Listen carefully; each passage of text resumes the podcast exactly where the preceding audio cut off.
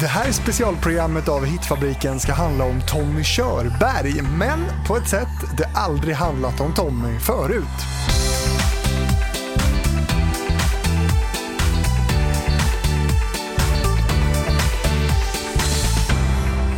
Den här serien program hör du barn till kända musiker välja ut deras favoritlåtar med sin förälder. Och du ska för första gången nu höra Tommy Körbergs son Anton Körberg berätta om de låtar som han har starkast relation till från sin pappas stora produktion.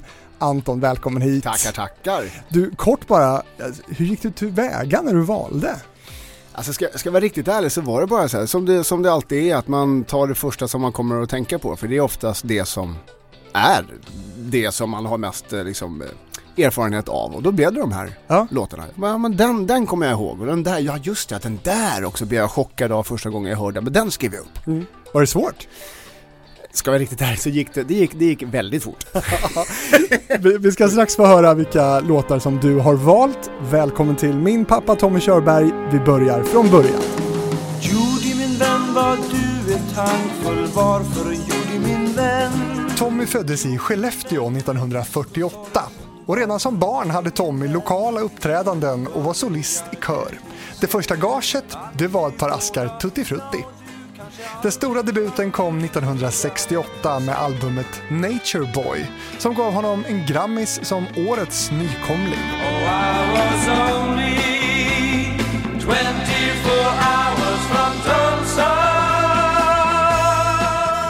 Redan året därpå vann han Melodifestivalen med Judy min vän som tävlade i Eurovision och kom på delad nionde plats av 16 tävlande länder.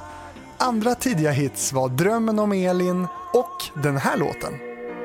Som en bro över mörka vatten Simon Garfunkels låt Like a bridge over troubled water blev som en bro över mörka vatten. Tommy har varit med i band, spelat i revyer, scenuppsättningar som Svea Hund på Göta Lejon, spelat i musikaler som Sound of Music och Chess. 1991 vann han Guldmasken, 95 fick han Karl Gerhards hederspris och 2012 förärades han Cornelis Vreeswijk-stipendiet. Och så har han spelat in filmer.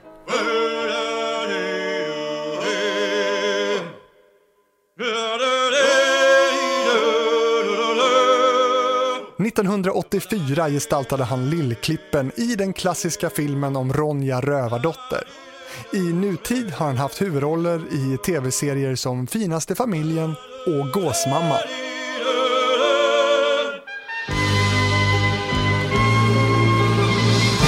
En av de mest kända och älskade låtarna är nog ändå Melodifestivalvinnarbidraget Stad i ljus skriven av Py Bäckman.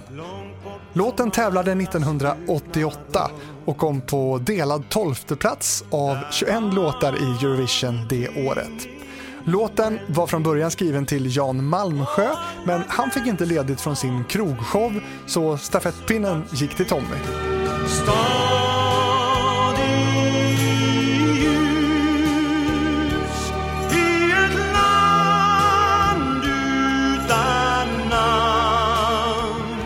2006 blev låten en psalm och Stad i ljus har även fått militärt fäste.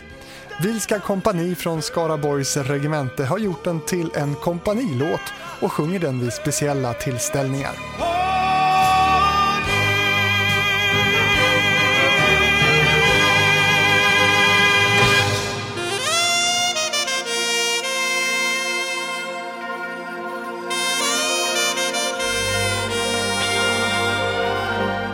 Även gjort en rad musikaliska samarbeten och ett av de kändaste det är med Björn och Benny i allt från musikalen Chess till Benny Anderssons orkester. Fait accompli Allting är sagt Jag måste ge mig Tommy har för närvarande tre barn. Anton, Erland och Elvira. Tillsammans med Anke Lidén fick Tommy sonen Anton som är född 1977. Och för första gången i en längre intervju har han valt ut de låtar från sin pappas stora musikskatt som han har närmast relation till och som gjort hans pappa till en av Sveriges största artister. My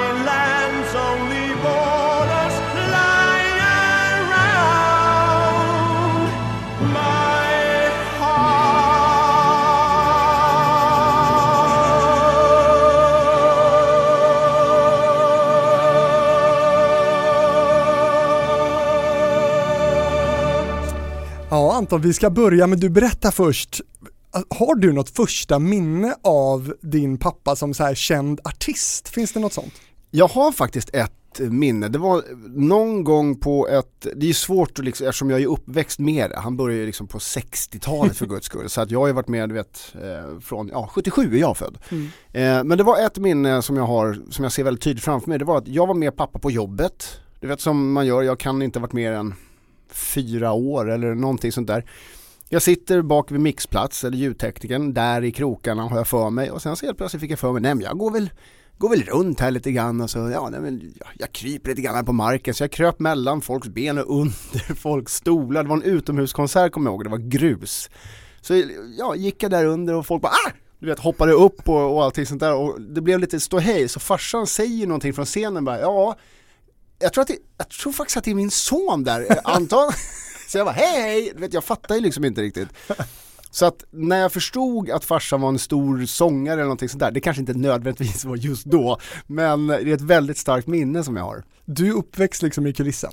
Ja men lite grann, jo, men eller faktiskt. bland, eller under stolarna i Eller bänkarna. under stolarna, jo men och morsan också i skådis, jag har varit med på teater och allting så jag har ju väldigt skev uppväxt på så sätt, man, Mm. det är svårt att Ja. Nu, nu när vi ska lyssna på de här låtarna, kommer vi som lyssnar då, kommer vi få en annan bild av din pappa tror du, än vad gemene man har? Jag tror, alltså för att det låtvalet som jag har gjort, har jag gjort också, dels för att det har varit en rolig grej för mig att upptäcka farsan, för att jag har ju inte bara tagit de här alltså standardlåtarna, det är ju tråkigt, gud vad tråkigt program det skulle vara då, bara, åh gud nu får vi lyssna på Anthem igen då, eller Stad i ljus, har han inte gjort några andra låtar? Jo, det har han. Och i många Ehm, olika genrer. Och i väl, ja men exakt, så att eh, det var därför som jag tänkte säga att jag tar en liten bred palett här så får vi se Mm. vad, vad folk tycker. Har du rådfrågat honom på något sätt? Abs- inte, han vet inte ens om att jag gör det här tror jag. Han gör inte det? Nej, nej, nej, nej. Vad kul! Gud, var, varför har jag inte sagt det?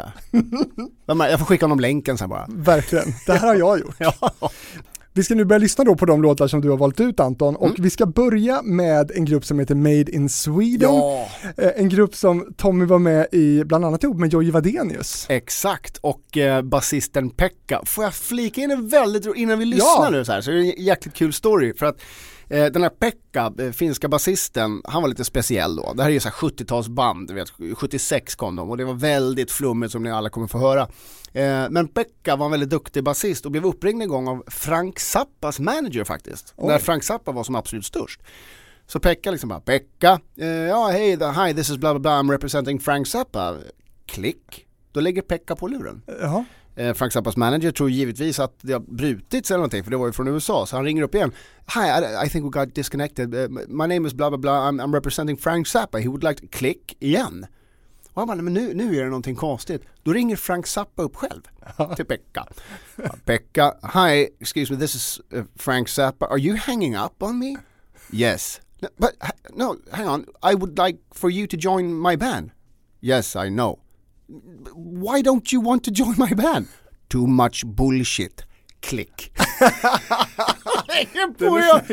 Alltså den är så hård. Han bara nej nej nej nej. Frank Zappa du vet, skickar du vet eh, kopparstatyetter av sin egen penis till folk han har legat med på turné och, och cocksockersball och allt det. Nej nej nej det är för mycket konstigt. Så han bara klick. Alltså, Det är svårt att imponera på en finne. Ja ja lite grann på något sätt. Vilken låt är det som vi ska börja med? Jo men vi börjar med Where Do We Begin? Åh oh, men den är ju den är ju fin. Den är fullständigt underbar till och med. Men hur har du ens kommit i kontakt med den här tidiga musiken? För vi snackar ju som sagt 60-70-tal nu. Ja det, här- det här är 76, det är deras första, jag vet inte ens hur många plattor de gjorde men den här plattan som jag tror till och med hette Where Do We Begin eh, upptäckte jag lite grann av en slump. Farsan började prata om sitt gamla leverne och allting sånt där. Och, eh, som man själv brukar säga, ja men kom, kommer ni ihåg eh, 70-talet säger han till folk? Ja, ja, ja, åh fan, säger han. Så att det var ju lite annan, annan tid då.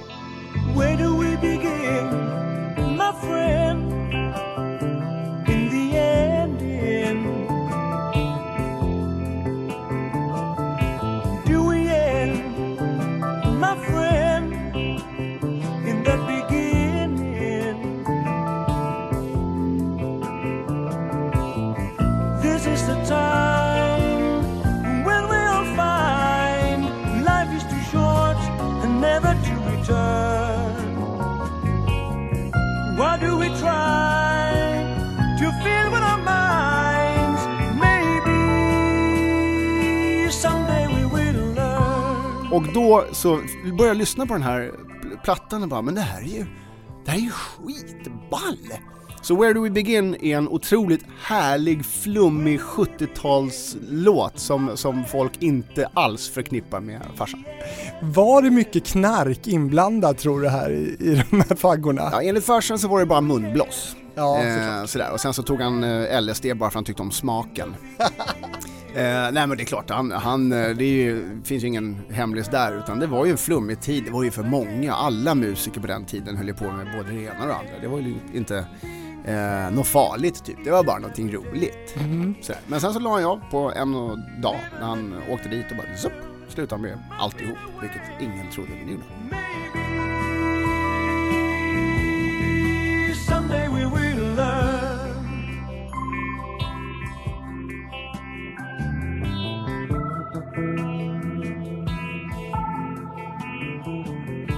Since we have grown, now we can see that some of this world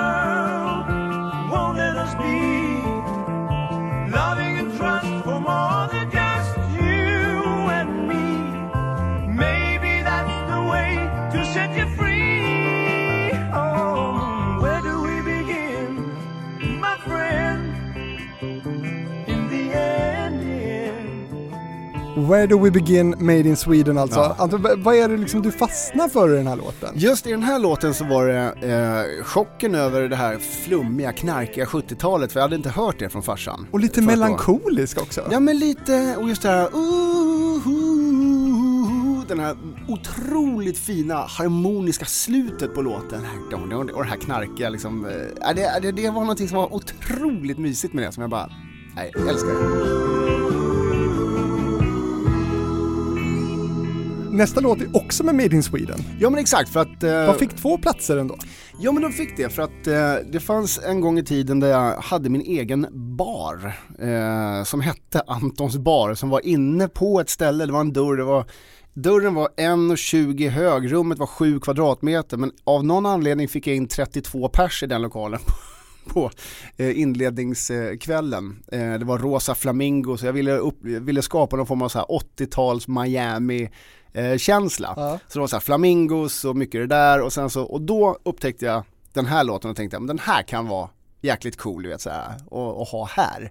Om vi säger så här, det blev en väldigt kortvarig session. Brand, brandmyndigheten tyckte inte det var jättebra att det var 32 pers där inne utan nödutgång. Men du 32, det är ju väldigt coronaanpassat. Ja, alltså, ja men precis, det här var ju då pre-corona. Yes. Så, ja. Vi lyssnar på Manhattan Vibes. Ja.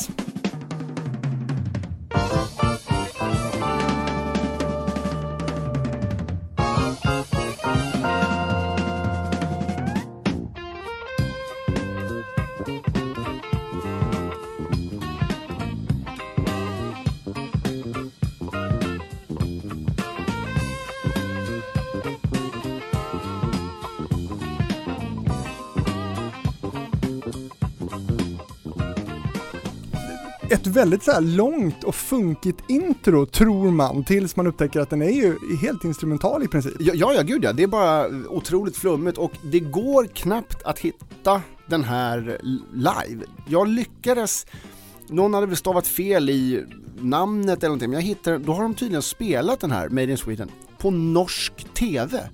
Och då ser man verkligen, det är väldigt underhåll, underhållande att se på, för det är väldigt flummigt. Det är som Allsång på Skansen fast i Norge och så kör de den där låten, Manhattan Vibes. Och, och, och instrumentalt också då. Ja absolut, Mm. och han satte sig vid någon kongas där vid något tillfälle och fick feeling och sen Timba, han bara tog tag i massa percussion-grejer och körde loss. Jag bara, ja, kör du. Whatever blows your hair back, kör. Ja. Vad tycker du förresten är det liksom generellt? Vad tycker du är det, liksom det största som din pappa har gjort? Oh, svårt. Eh, jag vet inte, han har ju kört han har gjort så otroligt mycket så det är svårt att liksom ta någon grej. Personligen, alltså jag, jag, han, han har spelat förband en gång i tiden till Status Quo eh, och på en stor turné. Men jag har spelat förband till Kiss på, och Alice Cooper liksom, dels på Stockholms stadion och så här. Så att jag tycker att jag har gjort ballare grejer än vad han har gjort om jag ska vara riktigt ärlig. Så kan det vara. Har du sagt det till honom? Oh ja, oh ja, varje dag. nej men jag tror att, eh, nej men det, det, det som är häftigt med honom är att han har gjort eh, så otroligt mycket grejer. Eh, allt ifrån eh, barnprogram med Ted Gärdestad till eh, liksom duett med Céline Dion till, jag vet, musikaler och, liksom, och sen rockstjärna på det med storbandsgrejer och du vet, han har gjort så mycket så att det går inte att välja en tror jag. Och nu fick ju du uppdrag då med att att välja ut dina favoriter och sådär, men, men annars, lyssnar du på Tommy Körberg? Gud, vad tror du själv? Ja, jag vill ändå fråga. Jag du måste... Hela tiden, nej det gör jag inte. Däremot så var det väldigt roligt när jag satt framför datorn en gång också. Eh, öppnade upp eh, Spotify, skulle liksom spela när jag satt där och jobbade lite grann. Och så kan man ju se ute i hörnet så här, din kompis eller din vän som du har addat på Facebook eller här eller någonting, lyssnar just nu på det här. Då stod det så här, Tommy Körberg lyssnar just nu på Stad i ljus. Jag bara, du måste skoja med mig! Så han satt hemma och lyssnade på den? Faktum är, och givetvis så tog jag ju skärmdump illa bums och la ut på Facebook och folk garvade som fan och givetvis så var han tvungen att kommentera då visade det sig att han tog ut arren för de skulle arra om den och, och sådär. Jag bara, mm, ja, Det klart göra. att du gjorde, Ja. klart att du gjorde. Fast han gjorde det faktiskt, de skulle iväg på turné. Men min fråga är ju inte helt eh, konstig egentligen. Nej. Om man lyssnar på mitt avsnitt Min pappa Ted Gärdestad med, med Sara Zacharias, då berättar hon att hon lyssnar på någon utav Teds låtar varje dag. Jaha, okej. Så man kan ju ha lite olika relationer Jo till ens föräldrars ja. musik. Ja, herregud, det är ingenting rätt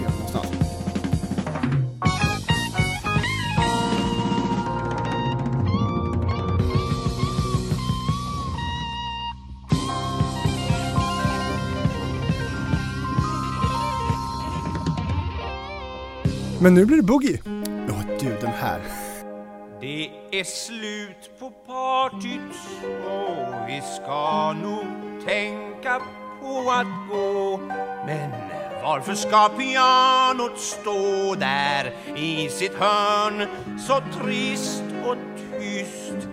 Vi som har uppfört oss så schysst tills nu det här är också så flummigt. Det här är från en ganska stor platta, jag tror att plattan heter Är. En boogie-woogie när folk ska gå hem. En boogie-woogie när klockan är fem. Jag diggar boogie, hey, min vänsterhand Kom hit min vän och jamma lite grann. Nog är det aningen ostämt annars helt okej. Så stanna kvar en stund och lyssna på mig. En boogie-woogie, rå hit med en cigg. En boogie-woogie, för nu är jag pigg. Jag diggar boogie, fixat om ni kan En grogg att sticka i min högra hand Ifall ni gillar min låt kan jag dra den om igen Det är från självaste Stad i ljusplattan som kom ut 88. Är den på den plattan? Det visste jag R. inte. R, just det. Ja, Ja. men där, där, det är också lite kul. Man hör då Stad i ljus, som jag alla, ja ja ja. Och så hoppar man fram till spår nummer sju eller vad det nu kan vara. Ja. Och så dyker den här låten upp. Och det jag vill, om ni nu lyssnar på den här lilla snutten eller lyssnar sen på Spotify på låten Boogie klockan fem, eller heter den Boogie Woogie klockan fem? Boogie, boogie klockan fem. Boogie klockan fem. I slutet på låten när det är så här blåsorkester i bakgrunden så, så hör man också att det är en kör typ, eller några som sjunger. Och det de sjunger är jävligt fräckt. och texten är bara magisk. Fullständigt underbart. Precis, för det är ju inte bara en boogie-woogie klockan fem, Nej, nej. utan det är också en boogie-woogie klockan sex Ja, ja visst. och en boogie-woogie klockan sju. Ja, eh, de lirar ännu. Ja, vad föredrar du? Vilken, vilket klockslag boogie? Ja, gud, alltså jag, jag, när det gäller att gå hem eh, är jag världens sämsta. Det, jag har hört att kungen är precis likadan. Han kan inte gå Och Frank Sinatra var likadan. Han bara såhär, nej. Ingen får gå för han, man är kvar. Man är kvar sist av om, alla. men om du och kungen då hade festat, vem, Det vore något. Ja, hur hade det varit? Jag vet inte. Han kanske lyssnar. Då hade det blivit en boogie-woogie klockan sju kanske. Ja, kanske till och med åtta. men du väljer ändå denna framför Stad i ljus. Ja, ja men absolut, Mm. för det här är ju så himla roligt. Det här är ju kul text, duktiga musiker, väldigt eh, slutet 80 liksom, tals sound i synthesizerna och allting sånt där. Men man får ta det.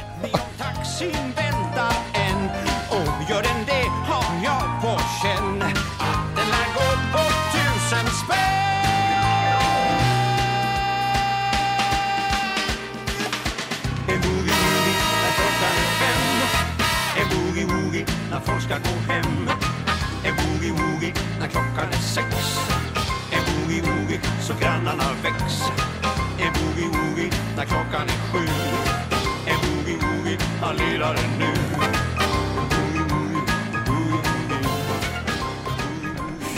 Boogie klockan fem med Tommy Körberg.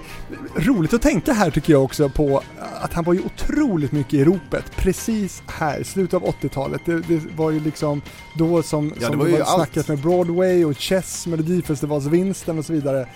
Stod han på sin peak här? Jo men det tror jag nästan han gjorde, för då, eller ja, det beror på hur man ser. I Sverige, ja absolut. Eh, Den svenska piken definitivt, för då blev han väl mainstream är ju kanske att ta i då, men jo men lite, han blev väl folkkär är så vidrigt att säga om någon, typ. Det är Men- väl ändå fint? Ja det kanske är fint men, men, nej, men han blev väl accepterad till den breda massan för att då var det verkligen allt ifrån väldigt unga till väldigt gamla som lyssnade på honom. Mm. Och Tommy är väl ändå definitionen på just en bred Gammal. artist? Eller förlåt, ja, ja, ja, ja, gammal förlåt, ja, sorry. och bred artist. jo men verkligen. Eh, och nu då så har du ju faktiskt ändå valt också en av hans absolut största låtar. Anthem. Ja men, jo men jag tänkte att, jag vet, skrev jag upp den ändå? Ja, du gjorde det. Jaha okej, ja men det var väl egentligen bara för att, eh, jo men för vi skulle ju prata minne, vilken liksom relation jag har Mm. till och sådär. För att det, det där är lite roligt att när jag var, eh, då var jag nio år, bodde tillsammans med farsan mycket i, i London. Så att den låten hörde jag, jag var ju med på Prince Edward Theatre i Soho varenda eh, kväll och den ekade och fick stående ovationer, bara gigantiskt och död, död, död. Så att liksom den, den betyder ju väsentligt mycket mer för mig än vad typ Stad i ljus gör. För det var så här, han var med i Melodifestivalen, det var ju kul, det gick bra. Eh, och men, eh, men den här låten har ändå en liten, liksom, väcker en liten känsla just det här minnena när jag hängde i Elaine Pages loge och Murray Head som var fullständigt galen och ja, men det var en väldigt, väldigt spännande rolig tid för mig. Jag lärde mig engelska språket och jag fick gå omkring själv på stan, gå till arkadhallen och spela lite under tiden. Hur gammal var du här? ja, men det var 10, 9, 10, 11 år där Mm. eh, i krockarna. Mm. Så då, då växte jag väldigt mycket. No man, no madness, though the sad power may prevail, can possess, conquer my country's heart. They rise to fame. She is eternal, long before nations' lines were drawn. Bara, bara generellt, att bo eh, som ganska ung och inte riktigt bemästra språket i, en, i ett helt annat land var väldigt eh, häftigt. Att jag fick liksom lite pengar att gå och handla själv och du vet såna I här London. grejer. I London. Är inte ja, det precis. väldigt tidigt? Jo men det kanske är tidigt, fast nu var det här i utkanten. Ursäkta. Eh, NW3, så nordvästra, i lite grann i utkanten. Eh, trots att han var en stjärna så var han inte så stor i London så han fick bo en liten bit bort. Elaine Page tror jag bodde lite mer centralt. Men eh, eh, så att eh, det var ett väldigt lugnt område.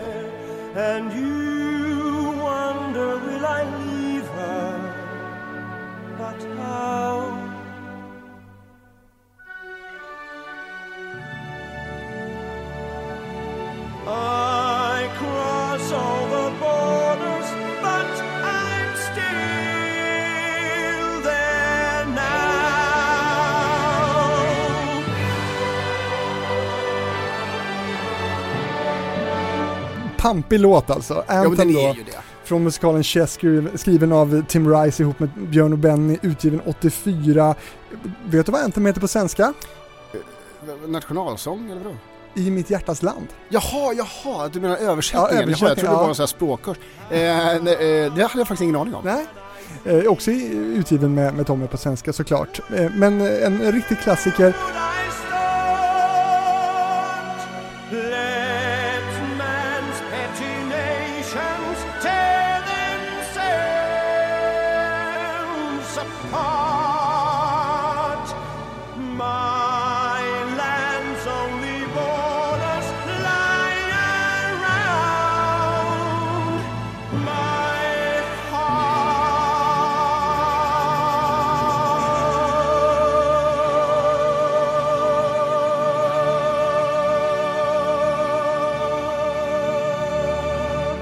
Har du sjungit Anthem? Va, Nej, gud jag har inte sjungit eh, någon av hans låtar. Jag tänker du vet så här på karaokebaren. Hur, hur sjukt skulle inte det vara? Hej allihopa, hej Anton Körberg heter jag, Tommy Körbergs son. Eller vi tror det i alla fall, det var 70-tal, lite rörigt. Men nu hade jag tänkt sjunga Anthem.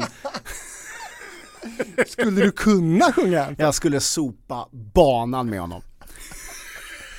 Men äh, hade ändå varit kul, en duett kanske någon gång. Jag har faktiskt blivit tillfrågad två gånger att sjunga Stad i ljus på något så fester eller någonting. Jag bara, Ja. men nu måste jag ha ringt fel Körberg. Nej, nej, nej, nej, vi, vi ringde dig. För att ni tror att jag är billigare. Ja, jag är dyrare.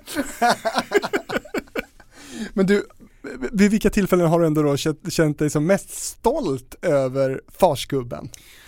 Det var väl där, alltså 10-11 år när det var London. för det var, pikade. Ja, det var där pika för då var det liksom, då var han överallt. Han var i tidningen, alla barnen i skolan kände till en och då blev det så här, för jag gick i Adolf Fredriks musikskola som bara ligger några stenkast ifrån där vi sitter här idag vid Norra Bantorget. Eh, och eh, det var, då, då är det klart att man blev lite stolt och tack och lov så blev jag inte mallig för jag kan tänka mig att det är många alltså kändisbarn som tror att åh, nu, åh, det här betyder att jag är, utan man blir ju stolt och lite, ja, jag kanske var mallig fast jag tror inte det. Utan det var mest liksom att jag skojade om honom och, och sådär. Men, men blev du också, man kan tänka sig, jag, jag tog mig tillbaka nu i, i minnet liksom att, att du, jag ser dig på, på skolgården typ. Och så tänker jag att, att det kanske också innebar lite jobbigt för dig. Alltså att, Jo, det, det, det var det ju i, i början på lågstadiet, eh, gick jag i Lilla Adolf Fredrik som ligger också väldigt nära. Eh, och då var det en kille som hette Johan, kommer jag ihåg, kallades för Kuben. Han var en stor kille, han gick i fyran, jag gick i trean och han var så stor som man kunde gått i femman, sexan. Liksom. Folk var lite rädda för honom, bufflig. Och han sa någonting dumt om min farsa. Jag tvekade inte en sekund, jag flög på honom. Och la, liksom bara, jag slogs eller du vet barn slogs det. Det var så här, sluta, sluta, sluta. Alltså typ sådär kanske. Ja. Men jag fick honom ändå att gråta. Jag grät ju floder också. Jag bara, din buse, din buse. Typ. men vad hade han gjort, vad sa han då? Nej, han, vad- jag, jag kommer inte ens ihåg, men han sa väl din eh, farsa eh, knarkar, dum, någonting, jag vet inte.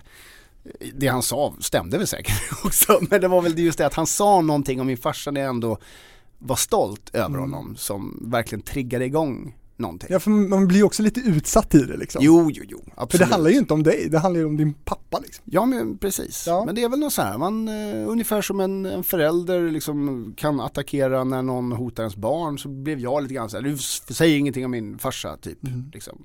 Det bara, Jättelämplig eller jättemelodiradioövergång i nu så kommer vi ju då till trubbel. ja, snyggt! Lyser ängarna av sommarns alla blommor. Nu surrar bin och fåglar sjunger överallt.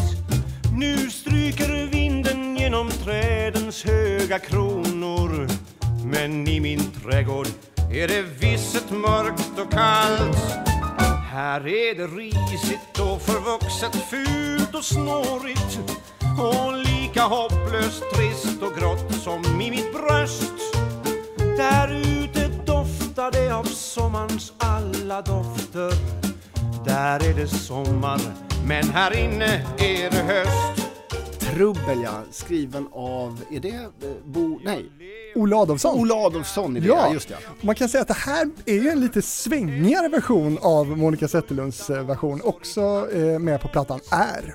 Är den med på samma, har jag tagit tre låtar på samma platta? Nej, två. Ja, två är vi uppe Två i tror jag. herregud. Ja. Men Trubbel är en jättekänd låt ju och eh, producerad, eller som man sa förr då, arrangerad av. Stefan Nilsson. Mm, Stefan Nilsson och farsan var ett radarpar under väldigt, väldigt lång tid och Ja. gjort eh, väldigt mycket jag övervägde om jag skulle ta, ta med någon Jacques Brel-låt, men så bara, jag hittade liksom ingen som, eh, nej. Eh, Men de gjorde en väldigt lång turné med massa Brel-låtar och släppte en Brel-platta. Eh, och sådär. Eh, men... eh, Vad är det med den här låten då som, som du, gör att du tycker att den ska vara med här? Jag tycker den är väldigt fin just i det här liksom arrangemanget. Och sen så är det en väldigt känd låt och har man inte hört alla versioner, jag har garanterat inte hört alla versioner, men det är bara att googla sig fram till det. Men eh, ja, det är någonting med den här låten som, när du sa ta fram några låtar så bara dök den upp ganska snabbt i huvudet. Det var en av de första och varför vet jag inte riktigt. Det har bara varit någon sån här när Stefan Nilsson och farsan, där fick jag vara med också jättemycket i livet. Så att de som radarpar eh, gjorde någonting. Du vet när en sångare och en pianist verkligen samtalar med varandra genom musiken på scen. Det är väldigt häftigt att se. Det finns ingen som speedar, tajmingen är perfekt. Det kan vara liksom improvisation från allas håll. De, lyssnar, så här, de lever i symbios med varandra under sitt musikaliska framträdande. Och det är väldigt kul att se sånt på en scen när det bara är två personer. Ja, för vad var det mellan dem då som, som klickade så? Jag, vet, jag tror att det var bara samspelet. Det är liksom som skådisar och musiker, alla gör audition. Det är så här, men vilken, och sen så med tiden så lär man sig folks, eller varandras cuer. Man vet att okej okay, nu kommer, alltså nu kan jag sola, nu kan jag göra det här, nu ska jag slå av, nu ska, du vet. Eller bara mellansnacket. Det är så här, det är bara, man vet, eller Stefan Nilsson visste att nu ska jag börja introt. Mm. Och det bara, allting bara lirar, det blir så här, det var verkligen perfekt. Mm. Kommer ihåg att jag tyckte redan som ung. Hur mycket av det där med samarbete där har du tagit med dig sen? Du är ju också musiker Ja, jag har faktiskt en, en duo. Jag lirar med en kille som heter Chris Andersen i flera konstellationer. Jag har varit eh, ute med Jan Johansen nu och turnerat som akustisk trio. Eller vi har kört elektriskt också. Men jag är ju trummis då. Eh, så jag kör eh, percussivt på en liten cajon heter det, en liten fågelholk. Man sitter på en låda och så har jag lite tingeltangel och shakers och allting. Så det har vi gjort mycket med Jan Johansen nu under sommaren som var. Och eh, nej, men sen har vi också ett koncept som heter totalt frispel där det är så att vi min idé på namn. Av någon anledning så tyckte han att vi skulle heta hans gamla trubadurbandnamn vilket var Go Bananas Band. Jag bara i helvete heller.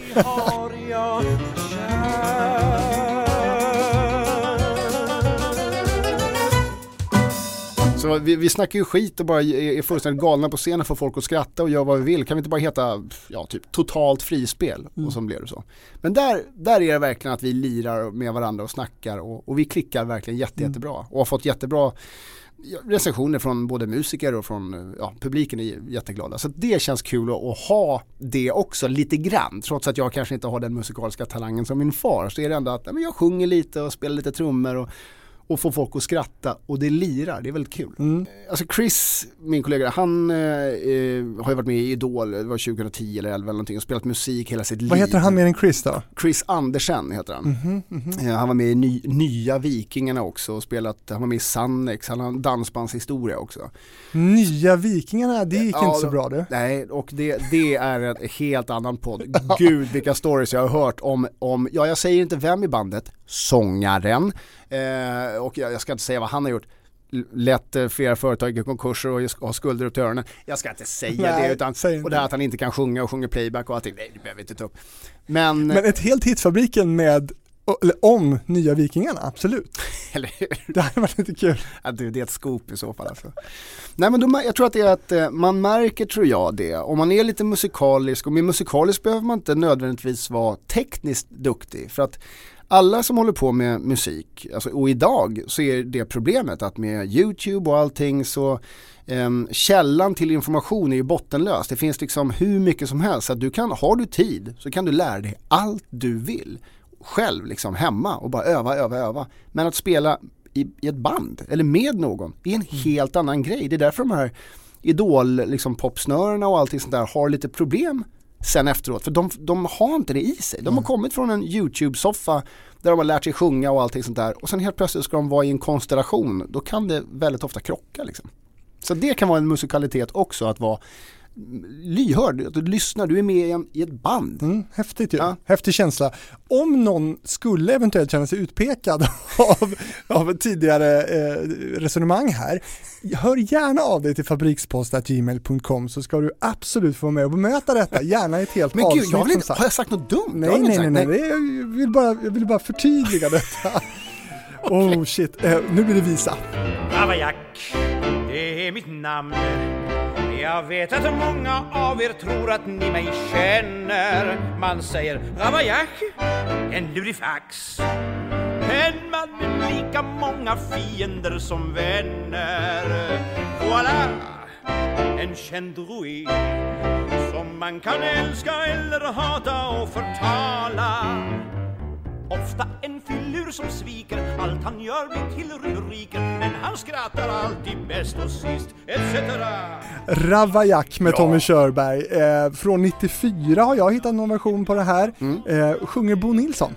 Exakt, eh, det var Bo Nilsson. Det är eh, en, en ravajak är ju en, eh, liksom lite grann av en buse och, och allting sådär. Därför- Lurifax. En lurifax ja, precis. Och det var ju därför som farsan i Melodifestivalen nu för några år sedan gjorde som en liten gimmick, en liten grej att de hette då Ravajaks.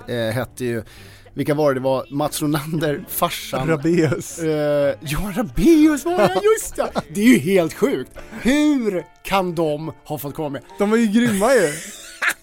Ja, det var Ja, det var väldigt, väldigt roligt. Och det är också en väldigt rolig kväll. Jag gick ut med dem sen. en- Ja, det är också en, hur, jaha. Vi blev ombedda att byta bord. Vi var på Ulla Vinblad på Djurgården och skulle käka sillunch. Det blev väldigt högljutt. Stökigt. Vi ombeds att sätta oss i hörnet. Vi gjorde det. och var li- lite tystare. Men att de inte satte er vid hörnet direkt, de ja, borde borde jag sett fatta. det här. Ja. vänta nu, Johan Rabaeus, Mats Ronander. Du, sätt dem där borta. vem är den där finniga skevtandade jävel? Ja, det måste vara någon hangaround. Nej, det är sonen. Ah, visst okej. Men visst är det här, det här är väl visa skulle man kunna säga? Ja, Någon men slags det är, vistradition. det är liksom, eh, återigen så faller det under paraplyet Brell lite grann tycker jag, just det här med den här dragspel, lite franska, liksom ungefär som så som eh, Trubbel tycker jag också faller under det, bara för att farsan gjorde det under den tiden så mycket. Att det var vis, att det var verkligen eh, ett, ett berättande, storytelling. Eh, som han själv har sagt eh, om, om att vara sångare eller sångerska så måste du vara väldigt medveten om vad det är du sjunger. Eh, han har också sagt väldigt, när jag var väldigt liten. Anton, vet du hur man beskriver en medelmåtta? Nej, nej, hur då? Jo, en medelmåtta en som ständigt arbetar på toppen av sin förmåga. Och jag bara, åh, det var så djupt då så jag fattade, men sen bara, men du, det stämmer ju, speciellt inom musik. Du vet att gitarrister, trummisar speciellt, de försöker göra de svåraste fillen hela tiden. Och bara, det här är toppen av min förmåga, kolla vad duktig jag är! Så bara, nej men du, stopp, lugn och fin. På ett gig, eller när du spelar och ska framföra din konstnärliga talang, då ska du ju sätta 100 av 100. Du kan ju inte chansa och försöka, alltså, du måste ju vara medveten om vad det är du gör. Dag man knallar över gränsen får man väl ta konsekvensen.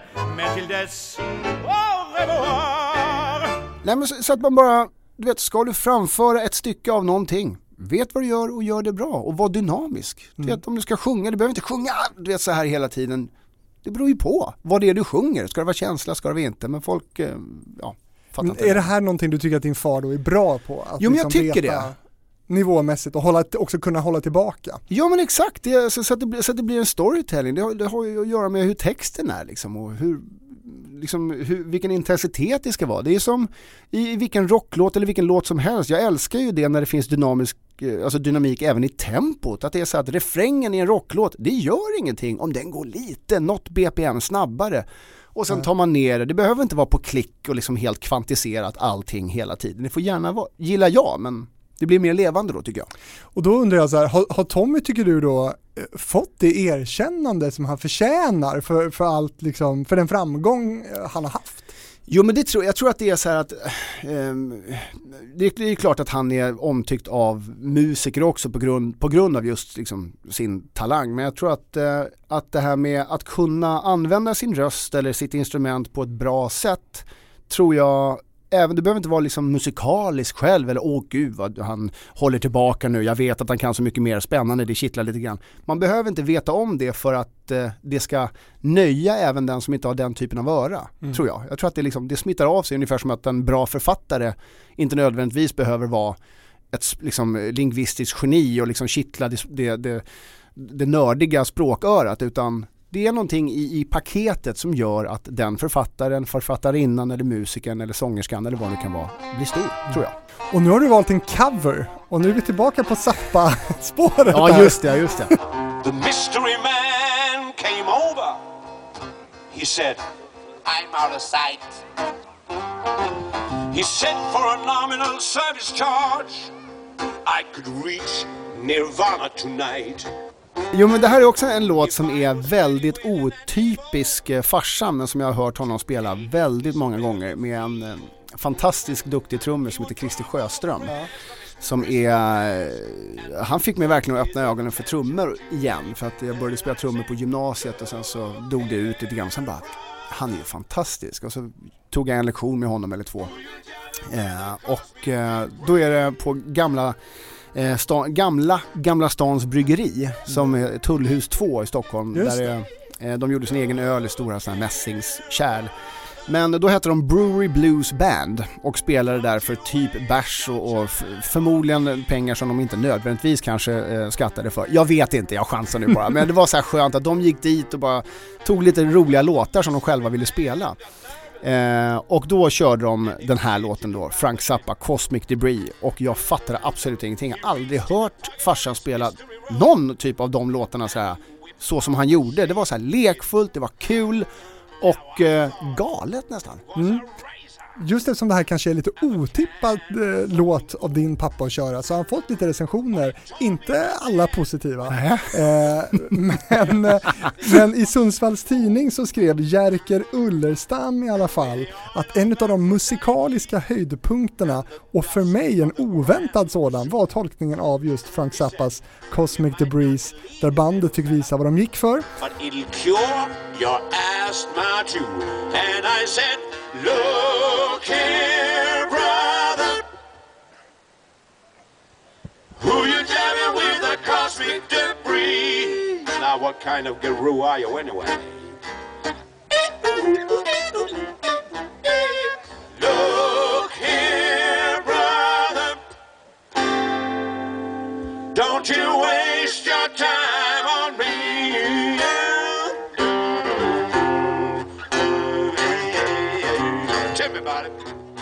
Och det här är ju kanske just en sån låt som, som får även recensenter då att haja till lite. Ja men det är ju lite grann det. Alltså det finns en lekfullhet i låten som, som komposition rent liksom. Men, men även också utrymme för mu- musikerna i bandet att visa, precis som du säger, vad de går för. Så att det blir verkligen lekfullt. Där kan det verkligen vara så här. nu spelar jag på toppen av min förmåga, det är fine. Varför då är det lekfullt liksom, på ett annat sätt. Och eh, det här är ju lite din arena också, lite rock känslan. Ja men lite grann. Kan man väl Eh, säga. Ja men det är lite, men det, det är ju just det också att som gjorde det så oti, otippat för mig att höra farsan sjunga, spela den här liksom med ett gäng as duktiga musiker liksom och bara, ja man blev eh, blown away faktiskt. Men hur mycket rock är Tommy Körberg då? Ja, men alltså, han, han är ju rocker från början. Alltså när han var ute på 60-talet, det var ju liksom, eh, och 70-talet och allting sånt där, han var ju rockstjärna. Alltså på riktigt, folk vet inte så mycket om det. Mm. Nej, Speciellt exakt. inte den yngre generationen som fortfarande vet vem man är. Men de som är födda 80, 90 och liksom typ tidigare, inte den blekaste aning. Det är därför som jag har tagit lite så här roliga låtar, för det är så kul också. Men också för att givetvis det betyder väldigt mycket för mig. På tal om pressen då, nu, nu läste jag upp en del av en, en recension här i, i Sundsvalls tidning. Eh, är det någonting som du också tycker är kul att följa när det gäller just din pappa läser, då? ah, nej, jag läser aldrig eh, pressen faktiskt. Nej. I- alltså, Inte skvallerpress heller då? Nej, alltså jag, jag har aldrig, jag har varit ganska ointresserad. Det gäller även mig själv. Liksom så här, jag brukar inte googla mig själv eller googla farsan eller morsan utan sen är jag, skäms jag nästan lite över det utan jag brukar inte ens titta när de är på TV. Det är inte för att det är jobbigt, det är bara så här, nej men det kanske finns något bättre. ja, du vet. Nej, men morsan- ointresserad allmänt. Nej men alltså, ja men det är det som känns så hemskt. Jag är ju intresserad av mina föräldrars karriärer såklart och hoppas att de gör bra och de liksom, men av någon anledning så blir det inte av riktigt. Jag vill hellre se den här dokumentären nu på Netflix eller HBO typ och så blir det så. Det är ju hemskt. Kan, kan inte det bero på då att, att, att du har väl kanske då, till skillnad från alla andra, en, en tudelad bild av den här figuren på TV. Det är ju inte bara Tommy Körberg sångare utan det är ju även farsan liksom. Fast det är, det är det här som jag tror är mitt pr- problem, vet jag inte, men jag ser dem som samma personer som jag är uppväxt med från som farsan brukar säga, och du var ju känd redan som spermie. Jag bara, jo, jo. men- det finns liksom ingenting konstigt för mig, det är deras jobb. Eller det är ju deras jobb. Mm. Så det är inte så här, det var väl när man var 10-11 år som jag sa när det var så här, när han var precis överallt och det här med, eh, du vet, saker och ting blev viktiga för en på vad det nu kunde vara. För vissa är det mode, för andra är det popularitet, för vissa är det frisyren eller whatever. Så liksom där så kände jag ju någonstans att det blev en förändring. Men sen så eh, försvann det när man kom på att ja, det är ju som alla, alla andra föräldrar egentligen. Och nu blir det då eh, lite ekivokt för de som tycker att det är lite jobbigt med, med, med snusk. Nu blir det det Ja i. Drömmen om Gun med Tommy Körberg. Ja, Bengt Dahlfors som har skrivit eh, den här. Det är en eh, fantastisk, fantastisk text. Den, sjung, den sjunger jag faktiskt också. Jag har sjungit den mest på kul, eh, bara för att den är väldigt enkel och eh, det räcker med en gitarr bara och så kan man, Ja. för allting sitter nämligen i texten. Gun var allra sexigast i klassen Fräcka ögon, mjuk och öppen mun. Den som fick ner henne på madrassen Var en lycklig fan, jag som var Gun Alla pojkar ville dansa kvällens sista dans Tätt mot henne i en enslig vrå. Själv var jag för blyg att någonsin våga på en chans Plågade mig med att titta på. Ensam låg jag sen i tysta nattens kalla famn Kramade min kudde hårt och stöna hennes namn. Jag slöt mina ögon och tänkte på Gun och det var som om hon varit där i min säng mot min kind med sin mun mot min mun tog hon hand om mitt heta begär. Men vad är det för låt det här? Det är, det är alltså det är en, en, Bengt Dahlfors är en teaterkille, skådis, regissör tror jag också. Han skrev, har skrivit väldigt mycket och en annan låt som heter Ellen Sjölund som också är hysteriskt rolig. Hon heter Ellen Sjölund med gröna ögon och tupi, rätt hår. Och det, är alltså det är mycket liksom lek med ord och allting och just den här låten handlar om en, en kille som önskar att han fick vara med Gun som ung. Eh, och sen så hela den här storyn och vad som hände i hans liv. Den är, alltså den är, den är lite snuskig, men den är, den är fin. Alltså den är vacker så att eh, eh jag, jag sjöng den faktiskt. Det var någon gång vi- ut med John Hansen och så var det typ 500 personer, en ganska stor publik. Och så var det någon som skrek så här: Vi vill höra Anton Körberg sjunga! Varpå jag då, idiot som jag säger i micken, men äh, jag kan ju inte, vadå, ska jag, ska jag sjunga en låt bara för att en person säger det? Så säger jag vet du, då börjar alla, Anton, Anton, typ sådär, jag bara nej, vad gjorde jag nu, varför sa jag det där för? Så jag slöt mina ögon och tänkte på Gun och den tanken var högexplosiv. Det var hon mot min kind med sin mun mot min mun så jag klarade av det med siv. Det tände min kropp och jag kravlade mig upp ifrån ledans förskräckliga brunn. När jag fyllde min strikt äktenskapliga plikt var det tack vare drömmen om Gun. Och jag tittar på Chris då som satt vid gitarren och jag bara, men du, vi kör, kör drömmen om Gun och han bara, då hade vi kört den en gång. Så han började leta fram vet, du, Det är mycket text i den, du. Ja, ja, och jag tog fram iPaden och jag höll iPaden rakt framför mig så här så jag kunde läsa texten. Och det blev en sån monstersuccé. Alltså, alltså förlåt att jag säger det själv, det är liksom, det ska, inte jag säga, det ska ju andra säga-. Men, men det, det var så, jag ryser lite grann när jag tänker på det, för jag, jag, jag, var inte, jag var inte alls beredd på det. För folk tissla och tassla, grilla korv och allting sånt Det blev helt tyst, typ. 500 pers utomhus.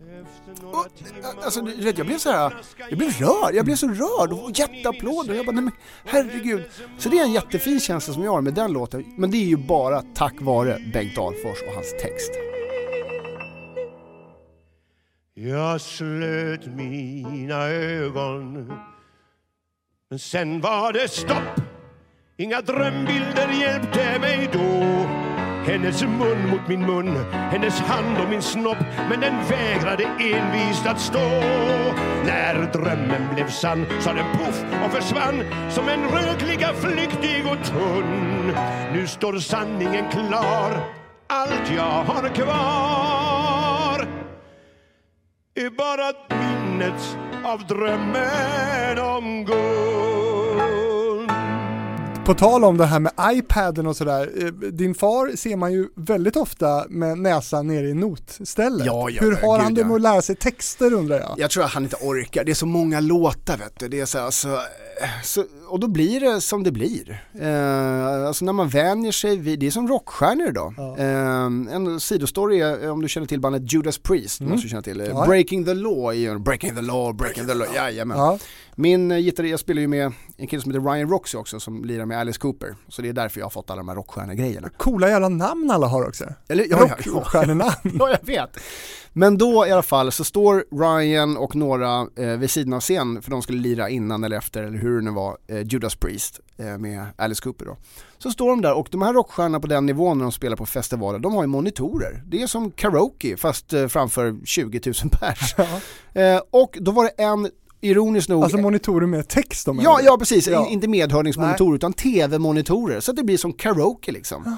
Han sjunger Breaking the Law, som han har gjort, eh, eh, Rob Halford, säkert, ja vad kan det vara, 1500-2000 gånger eller någonting, om inte mer. Och det är refrängen. Eh, en av Alice Coopers tekniker råkar snava åt, för den sladden gick precis där de stod. Och den var ju gaffad och så här, men han råkade fastna på något sätt så att monitorn blev svart. Han såg inte texten. Men vad gör karln? Breaking the law, breaking... Du vet sådär man bara, men snälla nu, break, publiken bara breaking the law. Men du vet, så det där är ju faran när man vänjer sig vid Ja. texter att men nu kan jag se texten där hela tiden och så försvinner den. Livsfarligt.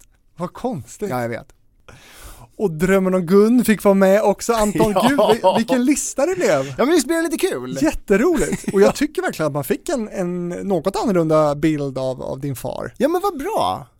Och Det är han ju värd. Ja men, ja men faktiskt, det, det är inte bara elfteplatsknarkaren som folk eh, sa där 88 utan eh, han har gjort väldigt mycket. Ja, så, och så vad du fick stå ut med på skolgården. Ja, med ja. vad hette han, Klumpen? Nej, ju, eh, kuben Kub. tror jag det förstår, man tror det var då, när växte du upp? 20-talet eller? Hörru tjena kuben, hur är läget? Jag tirar med ett öga. Men eh, Johan hette han kallas för kuben. Har du någon kontakt med Johan idag? Jag har icke det. Nej. Kanske efter detta. Vad gör han? Vet, vet, vet du någonting om det? Inte den blekaste. Jag, vet inte, jag är lite osäker på dessutom om han heter Johan. Eh, Anton Körberg, hjärtligt tack för att du ville vara med. Tack själv, kul att vara här. Och du som lyssnar, fabrikspost.gmail.com är det som gäller om du vill höra av dig. Och du har hört min pappa Tommy Körberg, producerat av mig Fredrik Rahlstrand. Gillade du det här programmet, då finns det fler i samma serie att hitta på till exempel min YouTube-sida som heter Fredrik Rahlstrand. Där finns till exempel min pappa Tore Skogman och min mamma Alice Babs.